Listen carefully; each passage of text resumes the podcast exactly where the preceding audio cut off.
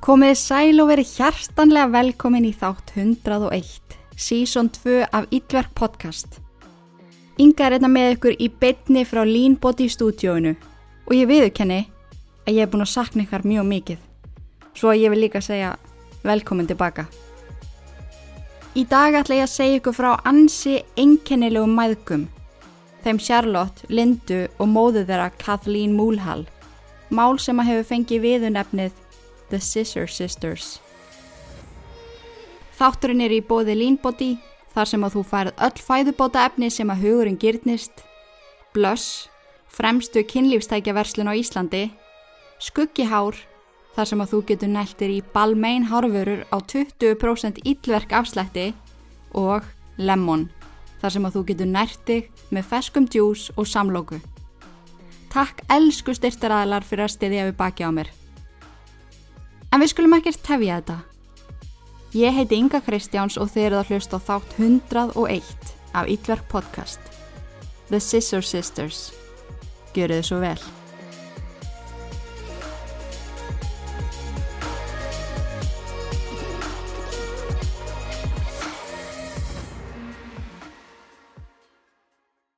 Við erum staðsett í Talla í söður Döblin sem er á Írlandi en þar bjó Múlhall fjölskyldan sem var ansið stór. John og Kathleen á samt börnunum sínum sex, þrýr strákar og þrjár stelpur. En fjölskyldan átti vægast sagt virkilega erfitt. Það var mikil drikja, mikil fíknefnaneysla, ofbeldi og öskur og það var eitthvað sem að börnin urðu vittni af á hverjum einasta degi. John beitti Kathleen mjög alvarleg ofbeldi nær allt þeirra samband. Hún ótaðist það að yfirgefa hann út af örygginu sem að þau höfðu byggt saman og þá á ég við húsið. Ég efast um að henni hafi liði örugt í sambandinu sjálfu en hún var skiljanlega hrætt um að fara í burtu með börnin sex og þurfa að standa endanlega á eigin fótum. Því að John hafði líka hótað henni oft að ef hún færi mynda hann ekki hjálp henni. Börnin væri döð fyrir honum og sömulegis hún. Svo að það tók hann að freka langan tíma að vinna upp hugrekki til þess að fara úr þessu skjálfilega sambandi. Það sem svo endanum kvartana til þess að sækja um skilnað var framjóhald. En árið 2002 kynntist hún Fara Sveile sem að hún fór svo að hitta bak við John. Hún náði að fela sambandið alveg freka vel í rúmt ár þar til að sögursagnir fór á kreik og John fór að gruna að það væri eitthvað í gangi.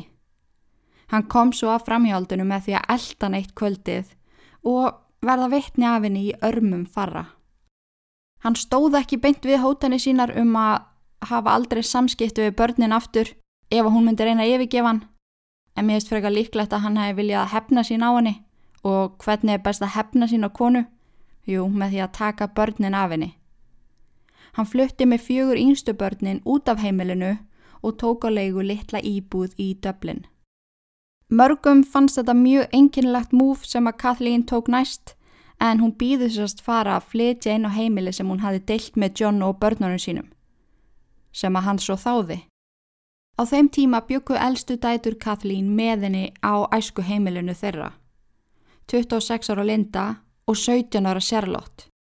Eldstu dætunar sáu það mjög fljótt að það var að myndast svipa minnstur í nýja sambandi móður þeirra og hafi verið í sambandi pappa þeirra og mömmu. Fara tók reyðiköst, blótaði Kathleen í sand og ösku ásandi að beita hana alvarlegu ofbeldi. En Fara hafði á bakinu langa afbrótasögu. Sala og nótkun eitulefja, ofbeldisklæpir og það allra versta virkilega alvarlegt kynferðisafbrót gegn 16 ára gammalli geðfallaðri stúlku sem að varð ófrísk eftir hann og eignaðist són. Hann auðgaði svo tveim öðrum konum til viðbótar eftir mjög stutta fangelsisvist sem að urðu einni ófrískar og eignuðust börnin hans. Svo að við getum gefa okkur það að Farra var ekkert sérstaklega góðu maður og bar mjög augljósan hatur í garð kvenna og heikaði ekki við að láta það bytna á þeim. En þrátt fyrir að vita sögu hans og verða fyrir bæði líkamlegu, andlegu og kynferðislega ofbeldi, hafði Kathleen trú á sambandinu. Henni langaði að þau fengu ferskabyrjun og byggðu upp líf saman, svo að pari tók á leigu íbúð í Kork, sem er í 15 mínútna fjarlæð frá fyrra heimili. Eftir að Kathleen og Farah voru flutt, þá flutti John aftur inn á gamla heimilið með yngstu börnunum fjórum. Elstu dætur John og Kathleen voru mjög nánar mömmu sinni, en sambandið þeirra líktist miklu frekar vinkunu sambandi en maðgnasambandi og eittu þær þrjár miklum tíma saman. Þar óttuðust um mömmu sína í sambúð með farra. Þar hafðu séð hvernig hann hafði komið fram við hana og eftir að mamma þeirra flutti inn með honum eittu þær ennþá meiri tíma með henni, aðalega til þess að passa upp á hana. En báðar stelpunar hefðu sjálfar gengið í gegnum tíman að tvenna. Linda sem að var frumburður Kathleen leiða á þessum tímapunkti í málinu eins og lífennar væri atbyrðar á smistæka frá A til Ö. Þegar hún var yngri þá átt hún ótrúlega auðvelt með nám, umgegst daglega stóranhópa vinum en þegar úllingsárin gengu yfir breytist það hins vegar. Eins og gerist reyntar mjög oft. Það er ekkit eðlilega erfitt að vera úllingur í mentaskóla. Mér fannst allan á ótrúlega erfitt. Maður er svo viðkvæmur á allan hátt, er að kynast sjálfu sér, reyna að passa í hópin, reyna að vinna fyrir smá pening og einhvern veginn allt snýst um að ég að kærasta. Svo er maður að reyna að sinna náminu, læra fyrir próf, fá bílpróf. Ég sem að hef alla æfi verið alveg ótrúlega mikil svona reglu pjessi var reygin tveisasunum úr mentaskóla fyrir lélega mætingu. Samt, nota beni, bjó ég í sveit og ég fóð mér skólabíl í skólan okkur um einasta degi og þegar ég var ekki að mæta í tíma þá var ég samt inni í skólanum. Þú veist, ég meina, ég gæti ekki fara neitt en ég var bara að chilla frammi með fólki og í þokkabót þá var ég líka á selfósi og það var svona takmarkað hvað maður gæti lappa marga ferðir út í horn eins og þetta kallaðist að kaupa sér snúð og eplasvala. Maður er bara svo þreyttur og bugaður. Mér þótt allan að mikilvægir að vera frammi að blanda geði við fólk heldur en að vera inni í tíma. Búa til tengslanett, sjáu þið til. Nei, ég segi svona. Ég náði nú að útskrifast. Það tók bara sex ár. Betra sent en aldrei. Mér finnst svona í alvörunni að allir úlingar ætti að fá fría sálfræði þjónustu. En, ok, aðeins önnur umræða óvart að auðsa öll á ykkur bara, afsakið þetta. en Linda, hún átti sér satt mjög erfitt í mentaskóla, eitthvað sem að tryggeraði mig þarna. Hún fyrir að umgangast fólk sem að misnotar áfengi og výmöfni. En henni langaði svo að standa sér vel í náminu og fannst ótrúlega gaman að læra. En hún fann engan stöðning heima við og hún var í ótrúlega mikill í klemmu og svo auðvitað kemur þetta neðraði hvað þú velur svo fyrir sjálfaði á endanum. En þegar hún var átjánara byrja hún með strák. Þau ákveðaði saminningu að dissa bara skólan, leia sér íbúð og byrja eiga börn. Og í kringum 19 ára aldur eignaðist hún fyrsta batni sitt. Og í einni bunu komu svo þrjú til viðbútar. Kærastan hennar bannaði hann að vinna, en hann vildi að hún var heima að sinna heimilinu og börnunum. Áður en hún byrjaði með þessum strák hafði hún aldrei verið í nefni vinnu. Þannig að þarna, 25 ára gömul, fjóruða barni komið í heiminn, en hún fyrir að finna fyrir gríðalegri eftirsjá og velti því fyrir sig hvort hún hafi hreinlega farið ranga leið í lífinu. Með þessum hugsunum fylgdi mjög djúft þunglindi og sjálfsvíks hugsanir. Hún vissi ekki hvernig hún átti að komast í gegnum dagana og fór að leita í gamlan vana, drekka og nota fíknefni svona til þess að deyfa sásaukan sem hún var að fara í gegnum. Fljótlega eftir að Linda fór að drekka svona mikið og var stanslust vansæl og grátandi, slittnaði upp úr hjónabandinu og æsku ástinn yfirgafana og börnin. En rúmum fjórum mánuðum síðar var Linda komið með annan kærasta, Wayne Kinsella, þekktum afbróta og ofbeldismanni. Hann var reygin úr skóla bara í öllum skólum sem hann var í, hvort sem það var grunnskóli, mentaskóli, leikskóli. Það var bara ekki hægt að hafa hann innan um önnubötn og innan um kennara.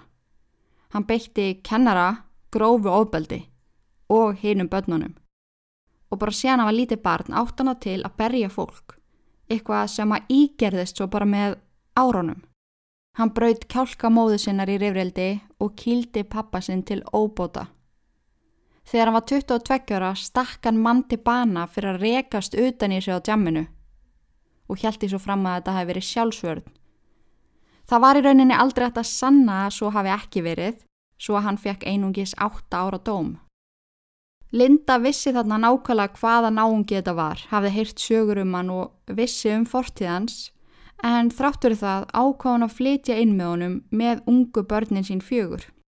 Drykja var daglegt brauð á heimilinu og það var með þessu manni sem að Linda fóru að notast við heroin.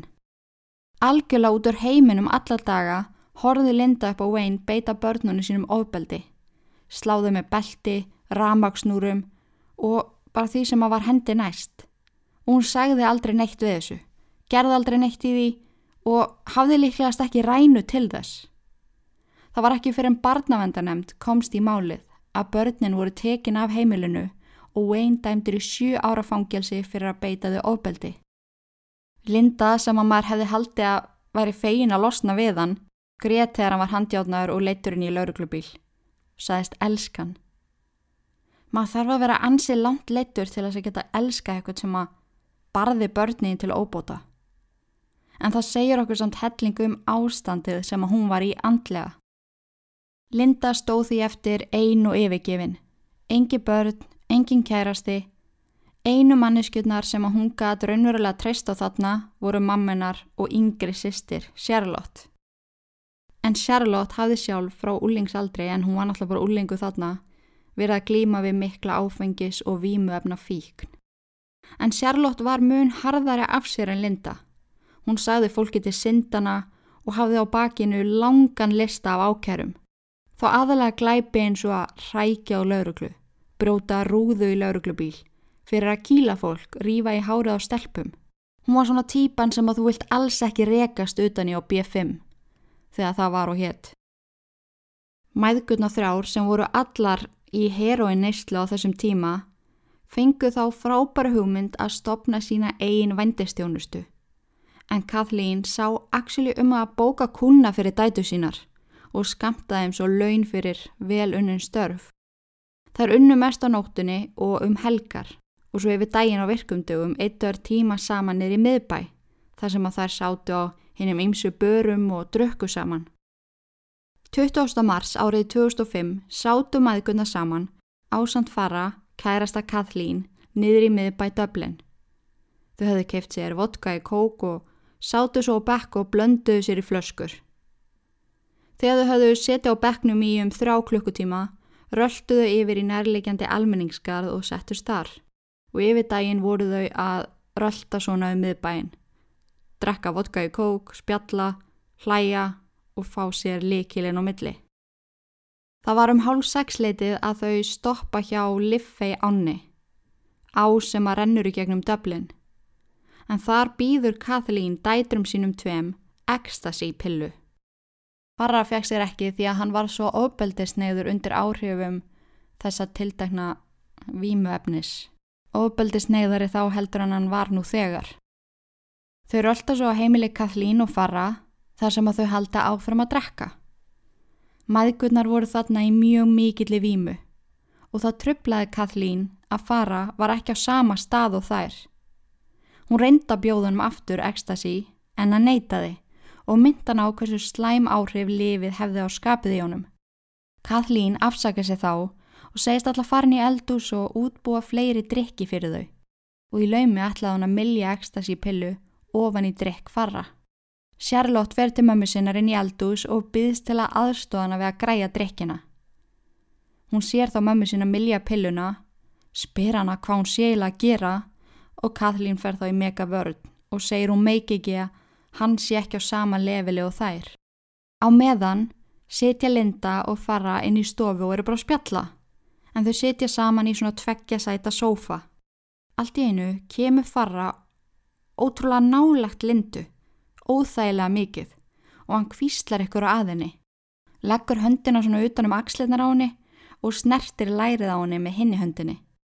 Hún heyrði ekki alveg hvað hann var að kvísla að henni en hann var náttúrulega mjög fullur með virkilega sterkan hreim en hann var ættaði frá Kenya og var auðvitað kvísla en það eina sem hún heyrir er You are the creature of the night og You are just like your mommy Linda var skiljanlega full viðbjöð yfir þessu og okkur var kærasti mömmennar að segja þess að viðustyggilu hluti við hana. Hún reynir að hann standa upp, en hann sleppir henn ekki og tógar hann aftur niður í sófan. Linda fríka pínu út og öskrar á hann að sleppa sér, en hann tógar hann alltaf aftur niður í sófan og heldur áfram að kvísla ykkur að henni. Þegar Charlotte og Kathleen heyra Lindu öskra, koma henn í stofu til að atua hvað sé í gangi. Það er öskra og fara að stoppa, en innst inni vissi Kathleen nákvæmlega hvað var að fara að gerast. Hann hafi gert þetta miljónsinu við hana þegar hann vildi sofa hjá henni. Farra tókar hann að lindu á fætur og ítir henni átt að svefnirbygginu. Hún gráð beður hann um að sleppa sér, en hann ætlar að fá sínu framgengt. Og Kathleen vissi að þegar hann vildi eitthvað, þá fjekk hann það. Charlotte ræðist á farra og öskrar á hann að sleppa lindu, sem að hann á endanum gerir. Þá snýr hann sér að Kathleen og lemur hann að hróttanlega fyrir framann dætu sínar. Hann ítir henni svo í áttina að svefnarbygginu og meðan hann gerir það, þá er hann að gera svona skera hálsreyfingu með höndunum. Svona eins og ef hún gerði ekki það sem að hann vildi, mynd hann drepana. Kathleen verður skiljanlega döðrætt og öskrar á dætu sínar að hann sé að fara nöðgani. Sisturnar standa alveg tindar og ráðalösar. Kathleen öskrar svo á þær Plís nennið að drepa hann, plís getið drepið hann fyrir mig.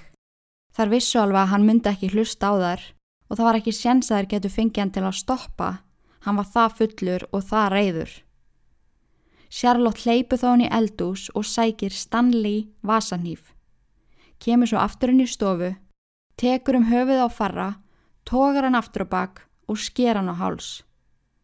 Farra sleppir þá loksins Kathleen, lappar mjög vangaður inn á gang og stiður sig við vekkina. Hann dettur svo endanum á golfið inn í svefnarbyggi þeirra Kathleen og reynir strax aftur að standa upp. Mæðgurna vita að ef að þær gera ekkert mun hann ringja á hjálp, svo Charlotte fer og sker hann aftur á háls með nýpnum. Blóð spýttist úr hálsinum á honum yfir allt teppið og ennþá reynda hann að standa upp og kalla hjálp. Linda var þarna farin að gráta og ofanda og hún segi hvað eftir annað. Hvað er þú að gera? Hvað er þú að gera? Hann er ekki að deyja. Í algjör í geðsræringu fer hún inn í eldús þar sem hún vissi að var geimtur hamar í verkværatösku. Hún kemur svo aftur inn í söfnherbyggið og ber hann ítrekkað í höfuðuð með öllum sínum styrk. Þrátt fyrir allt sem að farra hafði gengið í gegnum á þessum tímapunkti var hann enþá á lífi. Hreyfði enþá hendunar og gaf frá sér hljóð. Sérlótt let þá nýfstungunar dinja á honum með stanli vasanýpnum og hvatti lindu til að halda áfram að berja hann í höfuðuð. Í heldina hlaut hann 27 stungusár og óteljandi högg með hamrennum. Loksins, þagnaðan og loksins hætti hann að hreyfa sig. Á meðan þetta gekk allt á, satt Kathleen inn í stofu, horð á sjóorpið og drakk vodka í kók. Það tók Lindu og Charlotte smá stund að átta sig á því hvaðar höfðu gerst. Þær voru báðar störtlaðar og reyði. En þegar þetta fór að synga inn, brotnuðu þar gjörsanlega saman. Linda hrundi í gólfið og greiðt óstjórnlega. Charlotte settist hjá henni og tóku utanum hana og þær greiðtu saman í faðmlögum við hliðan og líki farra. Og ennþá satt mamma þeirra fram í stofu í róliheitunum. Þegar þær fóru svo fram og sögðu henni hvað hafi gerst, virtist Kathleen koma fjöllum og þóttist verið gríðalegu sjokki, en sagði svo við þar að losa sig við hann strax. Ég skil ekki alveg af hverju Kathleen leti eins og hún vissi ekki neitt. Hún heyrði, hún heyrði alveg hvað gekk á og hún sá dóttu sína skeran á háls en kannski var hugurinn hennar komin lengra. Kannski alla leiða handtöku og ef hún þóttist ekkit vita, myndi hún kannski sleppa. Sýstunar sneru aftur að líki fara og þær voru báðar algjörlega þaktar blóði frá toppið til táar. Charlotte segi við sýstu sína We just need to cut him up. En ég tek það fram að sumstaðar las ég að mamma þeirra hafi sagt við þær You just need to cut him up en í flestum greinum sem að ég las var það Charlotte sem að segja þetta. En, hvort sem er, þá dróðar líkið inn á baðherbyggi. Linda átti ótrúlega erfitt með þetta. Hún grét og grét, satt bara á klósettinu og ofandaði. Á meðan Charlotte var meira svona, já já, við þurfum að klára þetta af, drífum þetta af. Einu vopnin sem að sýstuna voru með til þess að skera farra var 10 cm langur brauðnýfur sem að var svona freka bitlaus og svo Stanley nýfurinn. En Stanley nýfur hefði virkað vel nema að blaðið sem að var í honum var mjög lítið og ekki til fleiri blöð til þess að fylla á hann, fattiði mig.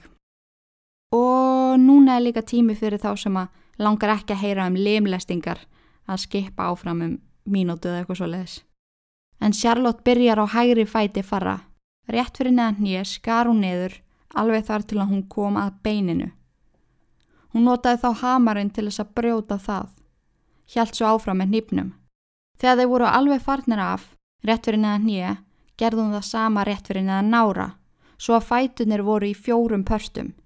Síðan hendun pörstunum ofan í baðkerið og í gegnum þetta ferli unnuðar með það. Skáru eitthvað aðfara og hendu því svo í baðkerið, svona til að færa það frá. En limlestingin sjálf fór fram á baðherbyggi skólfinu. Næst skáru þar maga hans opinn, en stjúftu þar mögulega gátu. Ég skil ekki alveg af hverju þær gerðu þetta en mögulega til þess að létta líkamspartana en þá meira. Þar hafa kannski hugsað því fleiri partar sem við losum okkur við því betra. En það sem að þær fatta ekki og ég held að enginn fatti í þessum kringumstæðum er að ef þú skerði maga og hvið eitthvað nógu djúft þá sér líka minn um það sjálfur að þrýsta öllum inniblónum út. Það myndast einhver þrýstingur og já, fljótlega lágu flest hans innibli á baðgólfinu sem að þær svo hjálpuðu staðið að skópla ofan í baðkerið. Charlotte saði við sýstu sína að næsta limlesting væri fyrir mömmu þeirra en hún vissi að fara hefði ítrekkað nöðgæðinni gegnum allt þeirra samband. Hún tóka nú nærbuksunum og skara honum tippið og pungin. Gríkti því svo með öllu hinu í baðkerið og ég verð bara að fá að skjóta því að. Það átti fullt af fólki eftir að fara í baði í þessu baðkerið eftir þetta. Bara að segja. En ég fer betur yfir þá eftir. En þar enduðu með nýju parta í heildina sem að þær þurfti að losa sig við. Fæturna sem voru í fjórum pörtum inniblinn, tippi, búkurinn, hendunar og síðan höfuðið. Að þeirra eiginsögn var langa erfiðast að skera höfuðið af. Þar voru náttúrulega með mjög léli vopn sem að betu illa á alla vöðva og taugar. En þær notuðu svo hamar til að bróta í sundum mænuna sem að var vist gríðarlega erfitt. Og það að losa höfuðið frá mænunni var vist alveg hræðilega erfitt. En þetta ferli allt saman tók þær 5 klukkutíma.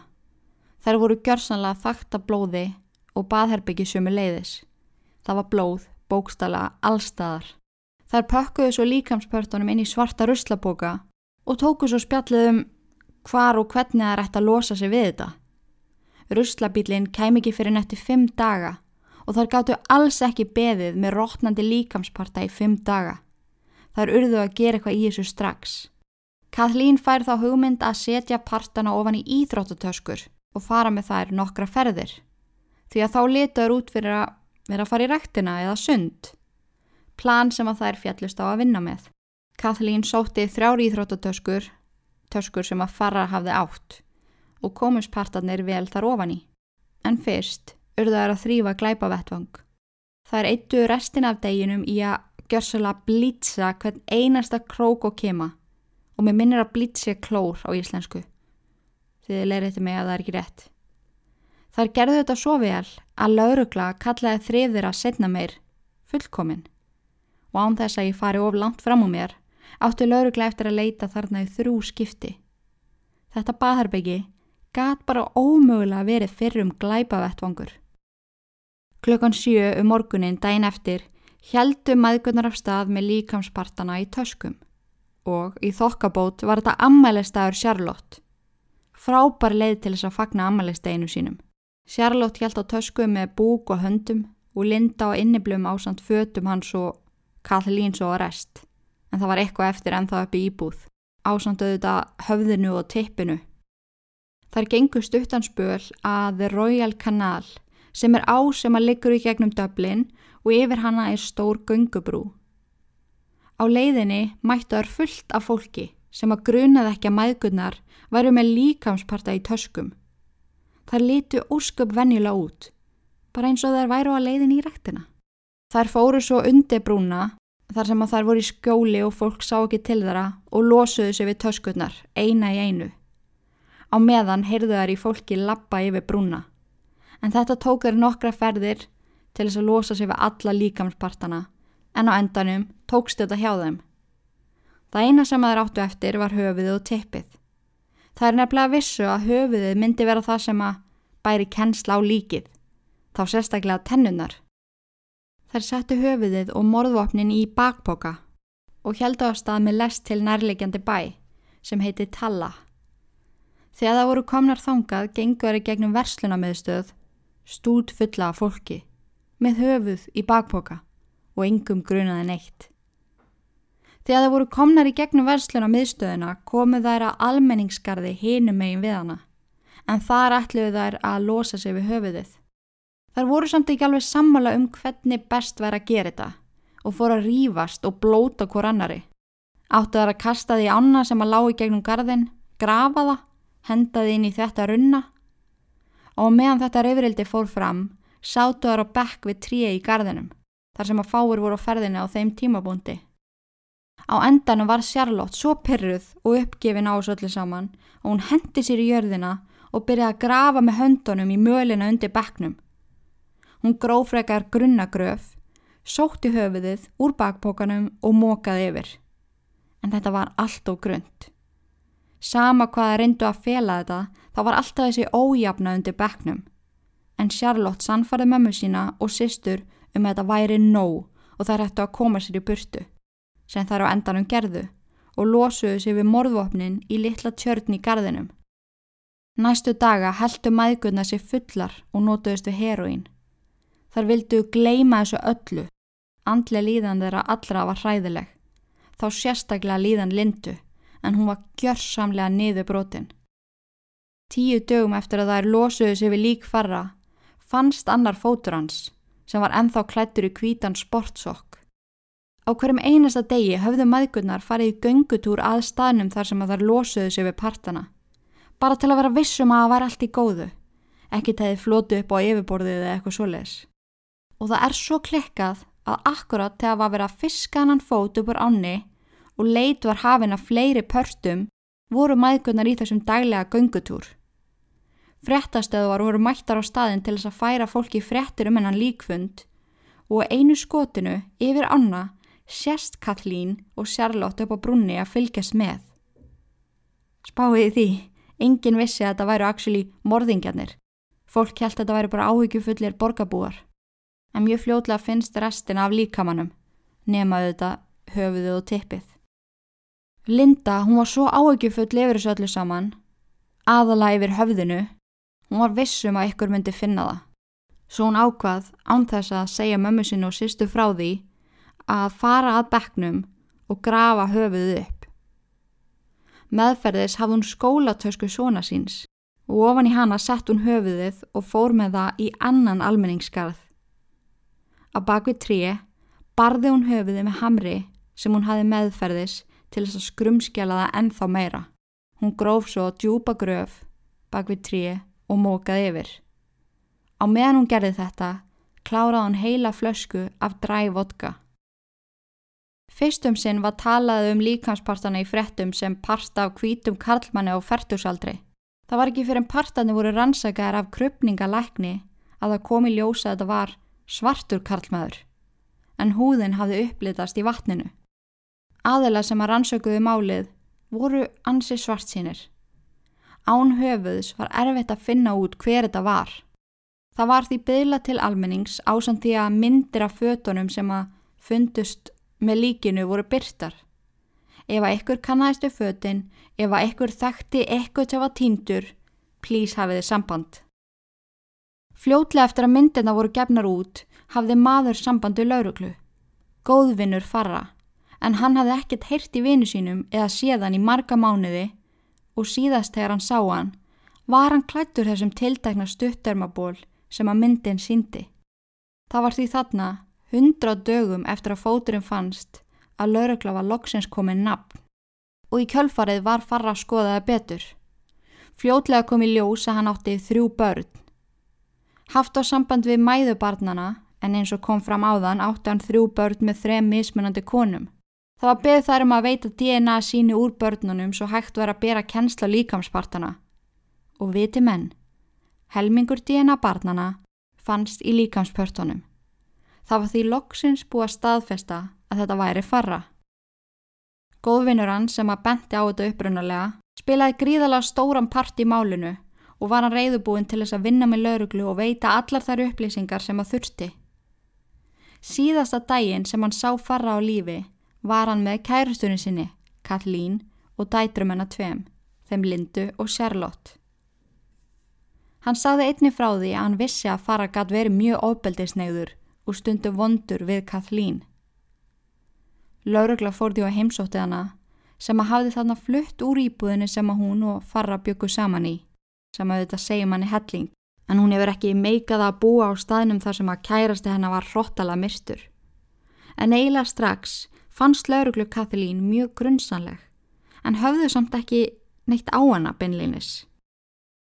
En það var ekki fyrir en Kathleen fór á heimsótti síni sína sem að voru báðir fangar í sama fangelsinu að hún opnaði sig með það hvað hafði gerst. Hún sagði þeim alla sólasöguna, hvernig Linda og Charlotte drápu farra og limlestu hann og losuðu sig svo við líkið. En hún passaði að taka það alltaf fram að hún hafi ekki komið nálat þessu. Hún hafi verið fram í stofu, hóra sjórpið, drekka vodka í kók. Sýnirinnar heldu lindamálunu mjög lengi. Það var ekki á neitt hátt planið að koma upp um sýstu sínar.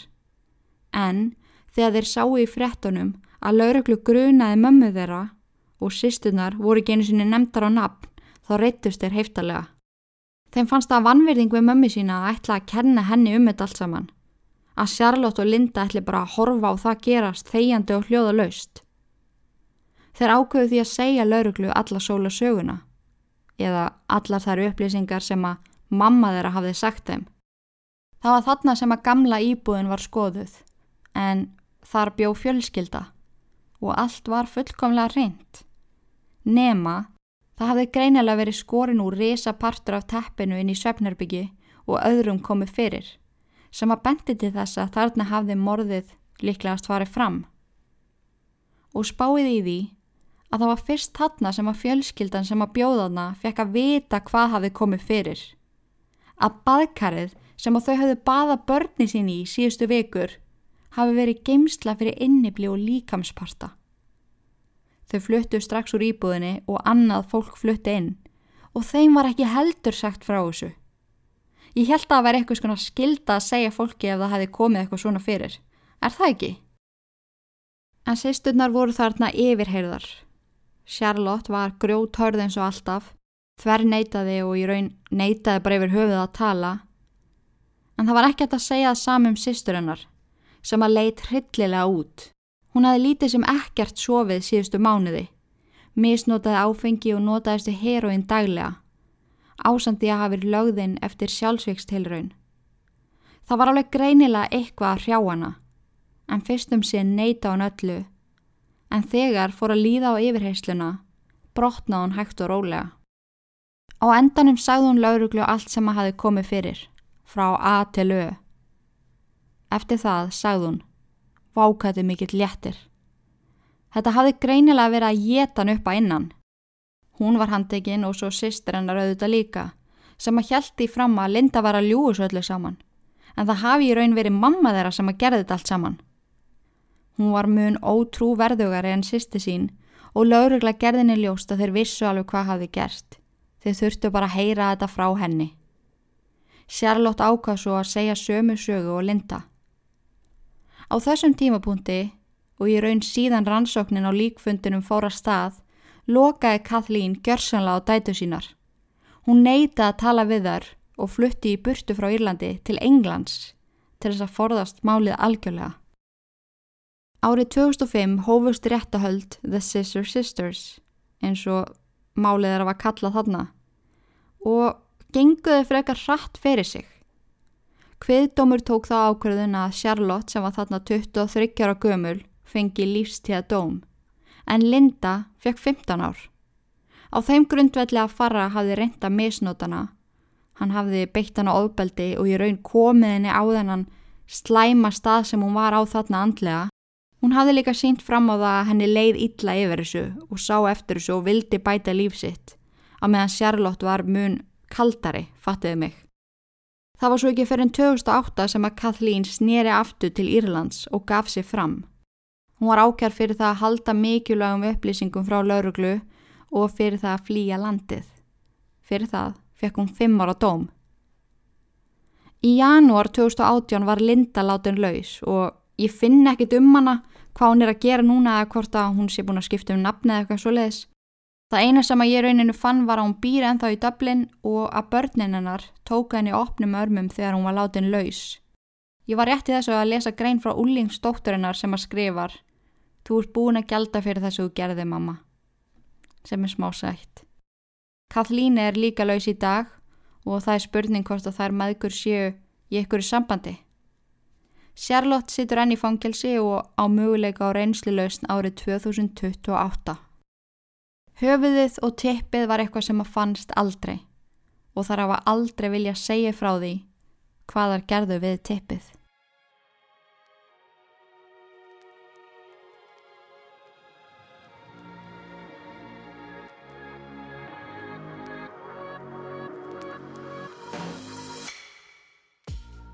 Þetta var mál The Scissor Sisters þeirra Charlotte, Lindu og móðu þeirra Kathleen Er þetta ekki bara ágætis byrjun á sísón 2? Ég held það bara. Takk kærlega fyrir að hlusta mín kæru mannsbötn og ef að þið vilji vera svo væna að gefa mér enguninn á ykkar uppáhalds hlaðvarsforritum þá væri það rosalega vel þegið og það hjálpar mér gríðala mikið. Ef að þið vilji meira efni frá mér getið þið skráð ykkur í áskrift inn á ílverk.is. En þánga til næst, takk fyrir að vera til og í guðanabænum forðist öll ílverk nema þetta podcast. Verið sæl.